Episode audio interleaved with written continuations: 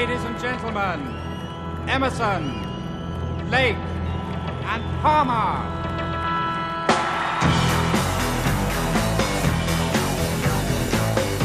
8 de desembre.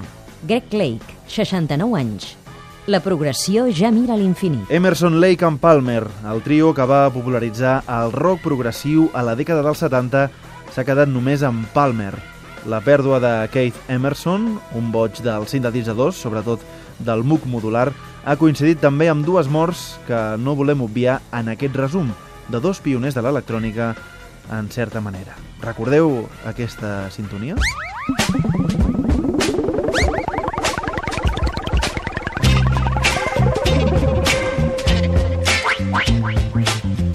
l'Oracle de Catalunya Ràdio, mític programa. Aquest tema el va compondre el músic francès Jean-Jacques Perrey, un pioner de l'anomenada música concreta, precursora de l'electrònica, i que ens ha deixat aquest any als 87 anys.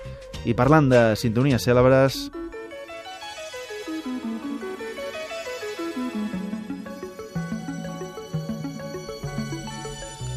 Aquesta, els que teniu més de 40 anys, potser l'haureu conegut.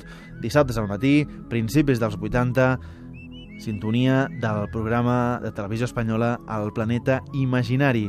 Qui feia aquesta versió lliure de l'arabesca de Debussy era el japonès Isao Tomita, un geni dels sintetitzadors que també ens ha deixat aquest any. La feina d'aquests artistes també s'ha notat en algunes de les sèries de moda.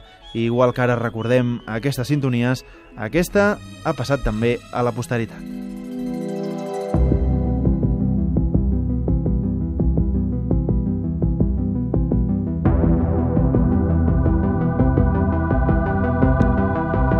És la sèrie Stranger Things, però tornem a Emerson Lake and Palmer, concretament a Greg Lake, que també va ser cantant d'una banda que ens ha visitat aquest any amb dos concerts memorables a l'Auditori del Fòrum, King Crimson.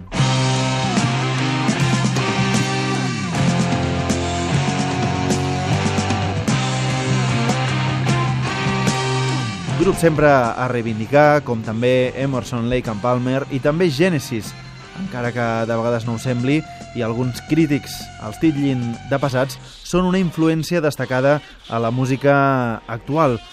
Es pot comprovar en alguns dels caps de cartell del Primavera Sound, com per exemple Radiohead, que van ajudar a que el festival batés el rècord de públic, però sobretot amb uns altres, els australians Tame Impala. And I know you will too. Said I know that I'll be happier, and I know you will too.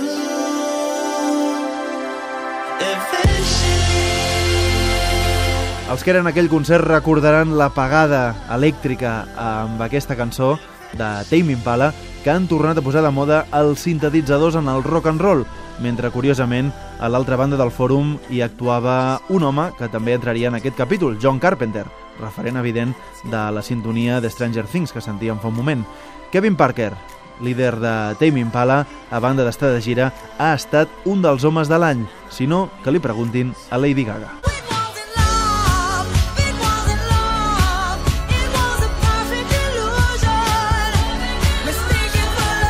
Cantant nord-americana s'ha reinventat amb Joan, on a part de Kevin Parker ha treballat també amb Mark Ronson, productor de Bruno Mars o Amy Winehouse.